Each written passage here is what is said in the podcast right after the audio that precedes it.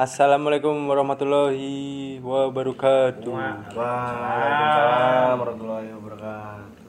Selamat datang di Rumah Pojok Podcast edisi horor. H O R O R. Malam, malam ini kita mau bacain cerita ya Pak. Dari teman. Iya, dari teman ya. Ada berapa cerita sih Pak? Cuma dua. Oke. Hmm, dari teman-teman dekat kita ya. Ya. Oke, oke, oke. Baiklah kalau begitu. Kalau begitu, tanpa berlama-lama Pak, Ya, ayo. kita langsung saja. Siapa yang mau baca? Kita home bim Pak Alayum Gambreng. Brot. Ah. Sakit nih. Langsung Ini ya. cerita dari siapa Pak? Dari Mitio. ya? Dari Andrea Andre, Smith, ya. Arizona. Oh, Andreas Smith Arizona, sorry. Berjudul Wadah. Ya, saya mulai ya, Pak. Ya, Ya. siap. Eh, saya punya tiga anjing, satu Siberian Husky, satu Pomeranian, dan satu lagi Labrador. Anjing-anjing saya dilepas di halaman rumah. Dua Husky dan Pomeranian di belakang, dan satu Labrador di halaman belakang. Tiga anjing ini mempunyai insting berburu yang cukup tinggi. Contoh, jika ada tikus atau ayam masuk ke halaman rumah, beberapa menit bisa dipastikan mati. Beberapa bulan yang lalu, ada satu kejadian menarik yang menjadi misteri untuk keluarga di rumah. Siang hari saat saya bekerja, hari Senin, mama saya menghubungi via call kalau ada kucing anggora mati di rumah. Sore harinya, saat saya pulang, saat saya bertanya ke mama, mana kucingnya? Sudah mama kubur. Tetapi agak jauh dari rumah, kata mama saya. Lalu saya bertanya lagi, siapa yang bunuh? Si Chloe, nama husky-nya. Lanjut, mama, lanjut kata mama saya. Jadi ternyata yang bunuh si Chloe, Pak Ya. si kucingnya itu tadi. Jadi sebenarnya anjing-anjing di rumah saya itu sudah beberapa kali membunuh kucing yang masuk ke sekitar area rumah. Hanya saja saya, mama dan adik tidak pernah bercerita para ke para tetangga. Sebelumnya ketika ada kucing mati, seketika langsung saya dan mama bungkus kain lalu dikubur agak jauh dari rumah tanpa sepengetahuan tetangga. Di sini saya bilang posisi kami anjing kami maksudnya Hmm. tidak salah. Kenapa? Karena anjing-anjing saya tidak pernah berkeliaran di area perumahan. Rumah kami berpagar, jadi mereka tidak akan keluar kecuali diajak jalan-jalan dan tidak mengganggu tetangga. Lanjut setelah kucing anggora itu mati, keesokan harinya, hari Selasa, setelah kejadian itu, ada seorang bapak tua yang jalan-jalan ke sekitar area perumahan. Wajahnya fokus melihat sekeliling. Mama saya yang saat itu sedang bersih-bersih halaman rumah bertanya ke bapak itu, "Nyari apa, Pak?" "Oh, nyari kucing saya, Bu. Anggora dari kemarin belum pulang ke rumah." Waduh. Kata bapak itu. Spontan mama saya kaget dan tetap bertindak seperti biasa. Tidak menjawab si bapak itu. Dua hari kemudian, hari Kamis, kami mendengar kabar kalau ada bapak-bapak meninggal di sekitar area perumahan. Rumahnya tidak jauh dari rumah kami, beberapa blok di belakang. Mama saya ikut ngelayat dan ternyata bapak saya, bapak yang mencari kucing kemarinlah yang meninggal. Waduh. Dia sakit udah lama. Kamis malam, saya saat itu pulang jam 12 setelah dari nongkrong. Hmm. Masuk parkiran dari belakang rumah. Area Husky dan Pomeranian. Jam 1 sampai jam 2 saya belum tidur dan masih nonton. Seketika anjing saya menggonggong dari belakang. Lalu saya cek, ada burung hantu. Tidak terbang ataupun duduk di pohon, tapi berdiri di jalan. Serem banget, Pak. Posisi burung hantunya di luar rumah. Jadi anjing saya menggonggong dari halaman belakang rumah. Mereka bertatapan tapi dibatasi pagar rumah. Saya mencoba untuk mengusir, bahkan dengan siraman air, tapi tidak pergi juga. Akhirnya saya keluar dan mendekati jaraknya hanya 10 cm. burung hantu itu tidak bergerak sama sekali. Tatapannya melihat ke husky saya. Akhirnya saya tinggal. Beberapa saat kemudian, anjing saya berhenti menggonggong. Dan saya cek lagi, burung hantunya sudah tidak ada. Keesokan harinya, di dekat rumah ada pondok yang biasa digunakan oleh ibu-ibu atau bapak-bapak untuk berkumpul. Mama saya sering ke sana untuk mengobrol. Lalu ada bapak security berkata pada mama saya, "Bu, semalam saya patrol keliling. Saya melihat ada burung hantu di belakang rumah ibu di tepi jalan. Oh ya bagus. Oh iya bagus gak burung hantunya? Hmm. Kenapa nggak ditangkap? Canda mama saya. Tidak berani bu. Terus Itu jelmaan itu jelmaan bapak yang meninggal kemarin. anjir. Si security katanya punya indera untuk melihat hal seperti itu. Oh, pinter lah ya orang pinter lah ya si security-nya ya. Aduh, Iya. merinding gua langsung. Apakah bapak itu menjelma sebagai burung hantu? Dia mengetahui siapa pembunuh kucingnya? Apakah kehilangan kucingnya tersebut menjadi salah satu penyebab kematiannya? Jawabannya tidak tahu. Silahkan berpendapat. PS. Kondisi anjing-anjing saya hingga saat ini sehat dan bagus. Tidak ada tanda kejadian atau kondisi aneh. Oh. Wah, gila. Eh, gua merinding sih itu. Ini cerita langsung lagi ya, asli ya. Asli, Pak.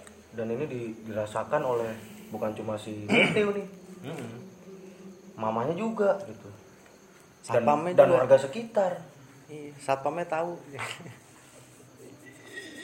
Tapi kalau menurut lu nih, Pak, Hah. mohon maaf nih Amit ya, bukannya apa gitu. Iya. Kalau dari sudut pandang gua pribadi nih, Mm. Agak salah nggak sih kalau nggak bilang gitu ya saat an- ternyata si kucing ini ada pemiliknya gitu saat mati nggak dikasih tahu gitu Iya. biarpun Setuju, emang posisinya nggak salah nih anjing keluarganya si Miteu nih Iya, iya. di dalam rumah ya udah dipagar ya Hmm. Ya, sorry itu saya gue juga setuju kata katanya si patah gitu. Iya, Kenapa nggak bilang aja gitu? Mm. Memang yang melakukan kan anjingnya. Mm-mm. Tapi sebagai pemilik harus ada tanggung jawab nggak sih? iya Iya. namanya hewan ya pak Kalau sampai membunuh apalagi punya orang ya harusnya bilang ya. Bilang aja gitu. Oh. sebagai pemilik ya Sebagai iya sebagai pemilik biar kayak ada tanggung jawab aja gitu. Mm-mm. Soalnya kan banyak juga yang udah banyak menganggap binatang itu kan anaknya sendiri. Iya, Iya. keluarga sendiri pak gitu ya. Ya diurus ya bukan anaknya sendiri ya mungkin ya apa kayak anggota keluarganya. Anggota Iya, keluarga. keluarga sendiri gitu. mungkin ya kalau dari yang cerita tadi ya si siapa si perwakilan yang menjelma menjadi burung hantu ini kayak seolah-olah ini nggak sih pengen ngasih tahu gitu Mm-mm. ayo dong bu Ngaku ya. mas iya kayak gitu Mungkin ya. iya Mungkin kalau dengan dia jujur ya lebih lega aja sih kayaknya. iya lebih lega Iya. gitu. Mm-mm. Siapa tahu burung hantunya udah nggak di depan rumah atau di belakang, tapi Di atas- terbang terus di di, atas atas, rumah. rumah. Wih, tiap hari tiap hari Ih, serem banget. anjing. ayo lu mit Ayo. ayo Ah, tapi ya kita dapat Pembelajaran iya, sih iya ya. pembelajaran ya dari cerita ini ya Iya. kita udah, lanjut cerita lanjut kedua cerita kedua. Lanjut aja dah. cerita kedua ini sebenarnya ini dari Marie Hmm. dan ternyata lagi pas KKN di mana di lu di Cangkringan ya waktu itu ya? Iya, gua waktu itu di Oh, lu Cangkringan. bareng Maria pak? Satu kawasan tapi beda desa. iya beda desa ini judulnya diselamatin truk pasir di Jalan Raya SMA Karangnongko Oke. Ya gue mulai ya Oke. Jadi gua dulu KKN di daerah Dongkel Sari, Cangkringan. Dulu kalau hari besoknya nggak ada jadwal kerja, sering habisin waktu berhari-hari bermalam-malam di rumah teman kuliah yang namanya Dimas. Nah, tempat KKN Sijong nih. Di sana sering habisin waktu buat nongkrong, main PS, wifian, sampai nonton JKT48 di YouTube.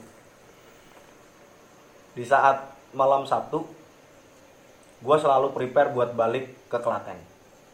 Ya mumpung jarak lumayan deket sih paling cuma 40 menitan lah udah nyampe. Sebelum balik gue main PS dulu sama Dimas. Gue inget pas main Assassin's Creed yang bajak laut itu apa namanya Black Flag ya. Ah. dan harusnya gue pulang jam 9 tapi gue ngaret sampai jam 11 setelah itu baru gue panik gue gercep. Buat buru-buru pulang. Gue dari Cangkringan itu lewat via Kepurun Manis Renggo sampai akhirnya sampai di tempat rumah. Oh iya di rumah. seperti biasanya gak ada gangguan walaupun emang medannya sepi terus. Karena emang itu sebelah sawah minim penerangan dan paling sering buat apa namanya lewat orang-orang proyek gitu ya. Mobil-mobil proyek pasir gitu ya. Dan jalannya halus enak buat main skateboard. Sialan lumar. Dan gue sampailah di daerah dukuh namanya Temon perbatasan kecamatan Manis Renggo Karangnongko itu tadi namanya Temon ya. Hmm. Pas nyampe di jalan Dukuh Temon dan kebetulan di situ lewatin makam juga, ya itu sekitar setengah dua belasan lah. Pas nyampe di daerah situ, gua mulai ngerasain bau nyengat, kayak kemenyan gitu. Oke. Ya lumayan bau lah, nyengat banget. Gua mulai heran aja, dan walaupun udah jauh, sekitar 50 meter dari pertama gua nyium bau, tapi kok baunya masih nempel gitu. Dan gua mulai agak panik. Gua tambahin kecepatan dong. Yang 30 jadi sekitar 50-an kilometer per jam. Padahal di situ jalanannya banyak lo- bolong-bolong. Di saat udah lumayan jauh, jarak gua sama makam itu udah seratusan meter lah. Bau kemenyan itu tiba-tiba hilang. Gua langsung nggak panik lagi. Mulai redain deg-deg ser gua. Ya walaupun masih deg-degan sih. Hmm. Baru aja hilang bau kemenyan. Selang 20 atau 30 detik. Gua langsung kaget. Panik badan gemeter kaku. Karena belakang jok motor gua kayak ada yang bonceng. Astagfirullahaladzim. Boncengnya rasanya kayak rusuh, asal nemplok, seperti orang loncat ke jok motor. Oh. Lagi naik motor langsung blek gitu ya berarti ya. Hmm, kayak lompat ya Iya. Iya. Terus gua kaget dong. Gua tengok ke belakang, kagak ada orang. Gua panik, merinding. Gua lihat ke depan, nengok ke belakang lagi, masih gak ada apa-apa. Eh, tahu-tahu punggung gua rasanya kayak diduselin, ditempel-tempel gitu. oh Anjrit. di ini dusel-dusel Iya, karena Dusel, posisi dusel. posisi tas gua gua taruh di depan motor, di tengah motor matic itu. Hmm.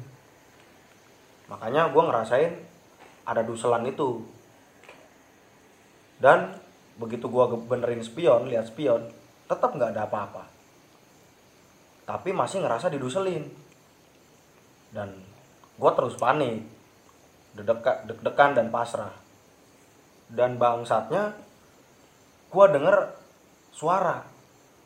Ternyata setelah duselan-duselan itu di belakang gua pas nempel deket banget itu ada suara di sebelah banget kepala gua ada suara ketawa mbak-mbak dan gua tengok ke spion gak ada orangnya Hmm. tiga kali keluar suara ketawa. Suaranya ya mintip itulah mirip-mirip mbak K lah. Iya. Gua panik sepanik paniknya motor gua oleng gua oleng-olengin motor gua. Sambil teriak-teriak sekencang-kencangnya sampai di depan gua lihat ada truk pasir jalan. Gue inisiatif buat nyalip itu truk. Dan pas posisi gua udah nyalip gua udah posisi di depan truk. Truk itu ngelakson ngelaksonin gua selama selama gua nyelip tuh. Hmm. lebih dari empat kali klaksonan lah. Ya. ya tau lah klakson truk kayak mana kan suaranya. Dan semenjak abis diklakson anehnya motor gua langsung enteng pak. Hmm. Punggung gua udah nggak ngerasa diduselin lagi. Di situ gua bodo amat mungkin abang truknya ngeliat sedangkan gua kagak lihat hmm gua bersyukur tancap gas full jalanan juga lumayan bagus dan akhirnya sampai di rumah dengan selamat For your info, banyak yang bilang di situ sepanjang jalan itu itu jalan raya Deles Indah Selatan SMA Karangnongko Mhm. sering terjadi kecelakaan. Korbannya kebanyakan tewas di tempat. Maaf, selama ini yang berbau mistis gue selalu keep dan jarang ceritain. Karena gue gak mau kepikiran dan berusaha bodoh amat. Sekian dan terima kasih. Hai. Yang gue tangkap dari cerita tadi sih, makanya dia bilang dari judul juga diselamatin truk pasir. Mungkin si truk ini, si supirnya melihat pak, waktu Maria nyelip, pasti ada yang nemplok di belakangnya. Hmm, Atau ya kalau creepy-nya lagi ya itu bener pindah ke truk tuh. Bisa ya. Minta ditemenin. Bisa. Itu makanya Aduh. bapak-bapak supirnya ngelakson tuh emosi. Adau. Udah nggak bayang sih gue. Untung, untungnya ya dia nggak nggak ngelihat ya. Iya. Kalau ngelihat, waduh. ngeri banget ya ya itu gue kebayang sih tapi waktu dia panik tuh pak ngoleng-ngolengin motor Kayak gimana, Kin? teriak-teriak Teriaknya gimana kan? apa ini cah ya Allah ya Allah tolongi upi Temangi Upi. Panik sih pasti. ibu eh Ya gue jadi dia juga panik sih. Sendokir lagi, sendirian banget. Bor. gelap Jam 11 ya tadi. iya setengah 12 udah nyampe situ tuh Iya paling perkara. ah, paling setengah dua belasan itu mah udah mau. Oh jam 11 dari lokasi KKN gitu. Iya, Oh. udah diintai berarti. udah wah gua kerjain loh Ngeri sih. Ngeri sih, Pak. Nggak ngebayang. Ya cobain ntar lu balik misalkan tiba-tiba di ring road gitu. Jepret. Pas nengok orang beneran aja. numpang mas Mumpang mas. ojek mahal saya belum lagi lagi jalan gitu langsung tahu bruk gitu. Iya. saya belum Dia top up ketepatannya coupe. hebat. Ketepatannya dulu. Motor nih. Dia dia numpang mas. Apa nih? Tapi kalau lu di posisi itu gimana pak? Di posisi Maria lu? Kalau gua ya di posisi Maria. Aduh. Apalagi kerasa sih ya. Diduselin lu. Diuselin gitu. Langsung. Skin to skin pak. Oh, oh, iya. Gue nyoba tenang sih. Pak itu dulu paling. Gue nyoba tenang. Ya apa kek? Baca-baca doa yang lu bisa sesuai kepercayaan masing-masing. Ya itu juga si Maria tuh udah mencoba tenang pak. Dengan jalan yang tadinya 30 jadi 50. Cuma dice- di- dicepetin doang tuh. Nah, gua kali kalau kalau gua paling gitu ngebut. Mm Bodoh amat sampai kerusak dah. -mm. Ya gitu. Daripada daripada Daripada daripada. Guduk guduk guduk guduk guduk. Justru ya, ketika lu panik, lu kenceng, itu yang dia kecelakaan. kecelakaan. Jadi paling bener kalau menurut gue ya mencoba tenang saja dulu Ya. tanpa harus lu kalau kalau si Mari kan apa oleng kiri oleng kanan Mm. kan malah berbahaya Pada mana jalanannya bolong lagi katanya. Hmm. Iya. Iya ya. Malah lebih bahaya ya Lebih sebenarnya. bahaya. sih sebenarnya kalau kayak gitu. Nah, kan jangan ngebut-ngebut kayak gitu. Iya lah. Ya, tapi gimana kalau panik mah? Gue kan panikan orang. Ya. Bikin engine. Gini, ya, bener ya ibarat ya pokoknya ingat waktu aja Iya. kalau udah saatnya pulang ya pulang kalau misalnya kiranya udah terlalu malam untuk pulang ya ya sudah besok saja lah Mm-mm, daripada iya. cari-cari masalah Lebih aman ya. lebih aman Pak. soalnya kan ketika dia lewat shortcut yang jalannya sempit Sepi. eh sepi Dan dia tahu itu angker gitu kan. nah masalahnya satu angker yang kedua Kriminal? kriminal Iya. Nah itu gue lebih ngeri kriminal Ngeri kriminal sebenarnya. Tapi tempat KKN gue juga seru juga tuh pak Nah itu rumah Dimas kan. Hmm. mantul Mantap ya. mantap betul Satu percobaan. Yang mantap. Nah, mantap. Mau karena ceritain nggak pak? nggak usah, Nggak usah. nggak usah. Mm-mm. Ya terima kasih sama bapak ibunya Dimas Iya. yang sudah mengizinkan untuk menjadi base camp ketika saya KKN Iya. Saya yang bukan anggota KKN saja Diajak ke situ. tiga hari diculik sama Ijong nih. Padahal KKN gue udah selesai tuh. Pak lu udah selesai KKN? Udah. ikut gue yuk tiga hari gue di sana ikut KKN orang skuad tambahan PS doang. Main PS tapi. Keluarga tak kasat mata itu menurut lu yang mana tuh yang paling serem? Kalau gua sih ya. Yang mana? yang nenek-nenek pak. Yang jawab. Astagfirullah astagfirullah Iya. gitu-gitu pak. Iya. Itu gila sih. Kalau kita udah panik gitu kan astagfirullahaladzim itu ada itu apa, itu hantu gitu. itu bumbu. Soalnya gue pernah denger yang cerita itu gue pernah waktu SD itu pernah diceritain waktu SD apa SMP ya. Jadi orang ketemu sugus nih. Astagfirullahaladzim gitu. Sug- sugusnya juga deketin dia tapi yang set set set gitu loh. Wih anjir. Astagfirullahaladzim astagfirullahaladzim astagfirullahaladzim. Buset. Ih. Jadi dia ngebling ngebling kayak ninja Oh, gitu ya? set, set, terus sampai depannya dia. Ngezigzag gitu ya? Oh zigzag. Oh. Awalnya jauh gitu. Awalnya jauh terus ke zigzag terus di dekatnya dia gitu. Hmm. anjir anjir.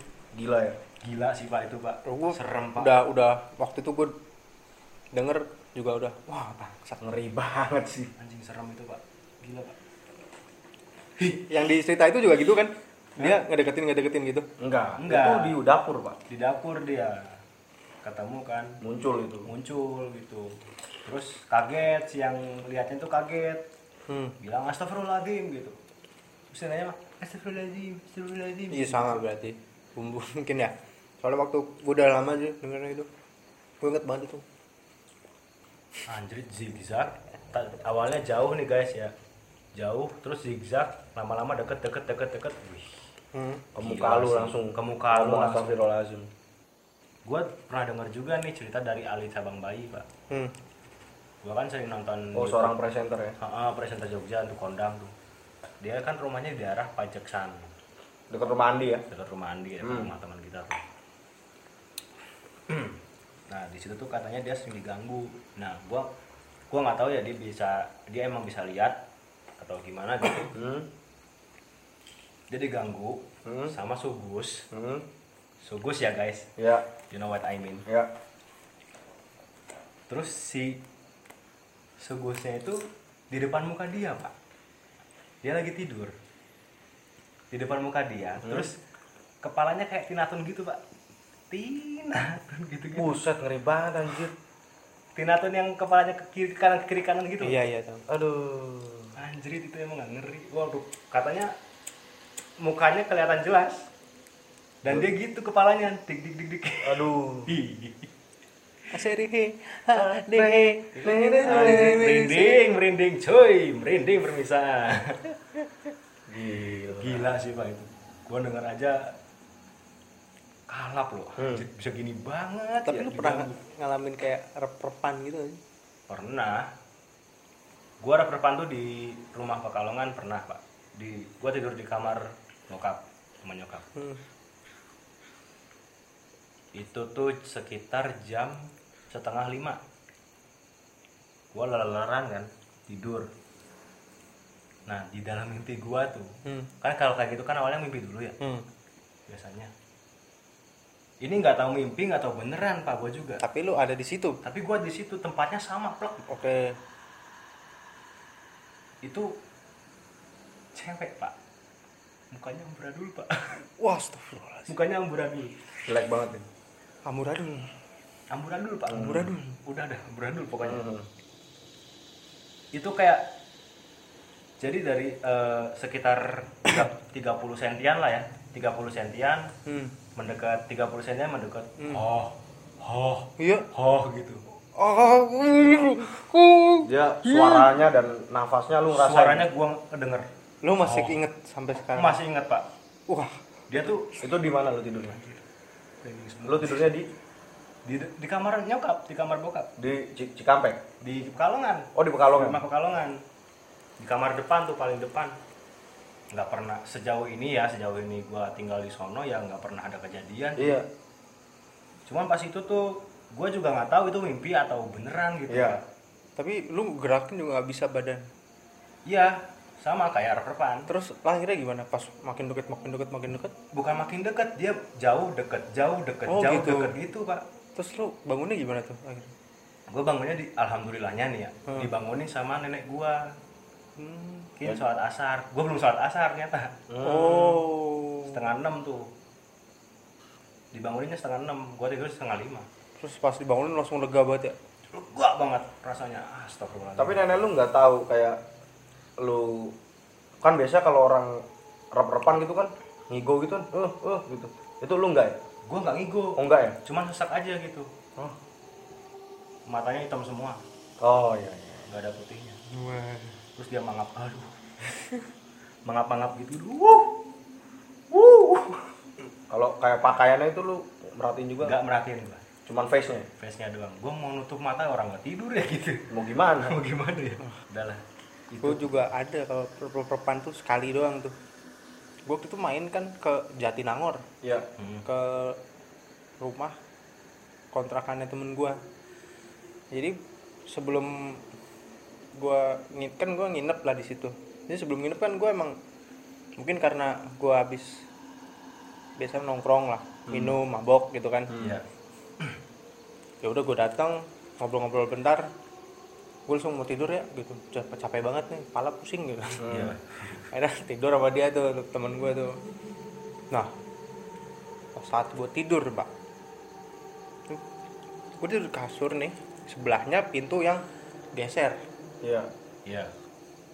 jadi pas gue mimpi nih ada yang buka tuh pertama pertama gue nggak bisa gerak nih Mm-mm. gue mau gerak nggak bisa ya gimana nih tapi kayak mer- melek tahu kan jadi Iya. bisa lihat sekitar nah Iya. tiba-tiba tuh pintu kebuka didorong yang bener-bener Krek gitu. ada tiga orang di situ pak Iya. bang pakaiannya pakai Sunda gitu Oh, kayak pendekar-pendekar. kayak gitu. pendekar gitu yang dia pakai kalung tengahnya tuh Kotak kain. kotak kain yang biasa buat nyimpen jimat kali ya Oh, iya iya. Itu jawara-jawara zaman dulu tuh. mau iya kayak gitu Di Sunda kan? iya Oh iya iya iya. kiri kanan kayak gitu bentukannya eh, pakaiannya sama Sama. Iya.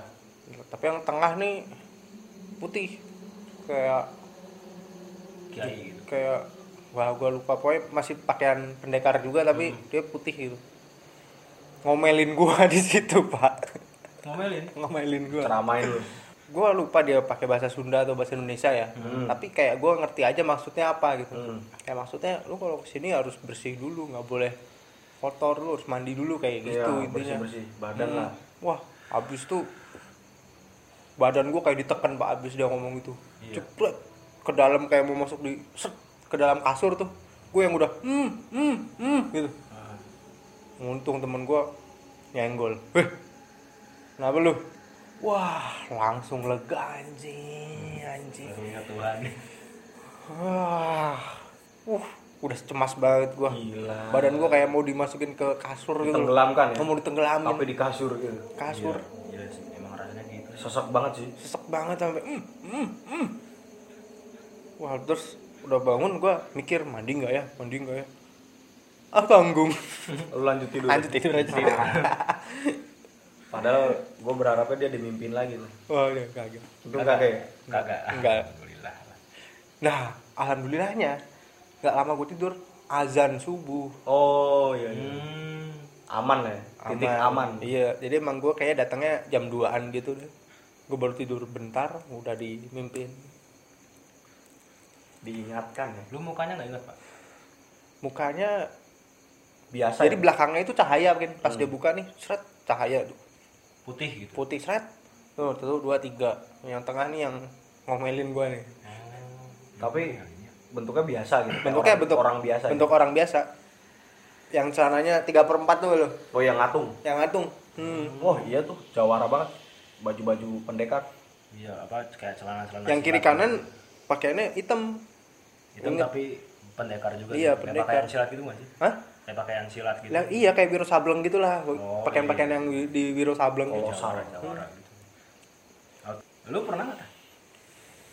Rep-repan mah sering. Sering. Udah kebal tapi. Nah itu yang di kantor nih seru. Ah, Jadi gue tidur di bawah tangga. ya. Tangga kan anak tangga nih.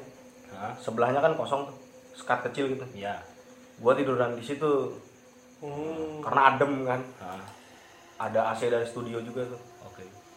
tiduran gue main hp terus gue tidur beneran. Dalam mimpi nih gue gue lupa mimpinya seperti apa. Cuman gue bisa ingat kalau itu mimpi serem. Gue dikejar sesuatu. Ya. nah di dalam mimpi gue itu gue ketemu Andi. Terus Andi bangunin gue Andi bangunin gue dalam mimpi tuh. Ya. begitu gue bangun Andi lagi tidur di sofa ketemuan ya iya terus Ketemuan anjir. pas paginya bangun semalam gue ngimpi apa pak Andi ngomong gitu terus gue ketawa dong oh ya udah sun pak wis ditangi ke makasih pak udah dibangunin gue bilang gitu ya kan kalau Andi kan kita udah tahu ya Iya, teman kita iya. satu itu kan ya Ist- apa punya keistimewaan. istimewa lah ya Mm. yang lain mah nanti aja lah ceritainnya iya Iya, ya. kita simpen Simpan dulu buat episode nah, selanjutnya. selanjutnya Iya. jadi segini aja ya Oke. dari kami Eh, Dan terima kasih juga buat eh, Andrea Arizona Smith dan Maria ya atas ceritanya. ya memberikan banyak pelajaran juga ya Pelajarannya banyak, ya seru sekali. Terima kasih, terima kasih. semoga bisa membuat merinding dan diambil hikmahnya ya Ya diambil Dengan- hikmahnya aja. dengan cerita-cerita yang kita ceritakan tadi hmm, dan pengalaman dikit tadi ya Ya. Oke. Jadi selamat malam selamat istirahat. Terima kasih sudah mendengarkan podcast rumah pojok. Edisi. Outro. dong ah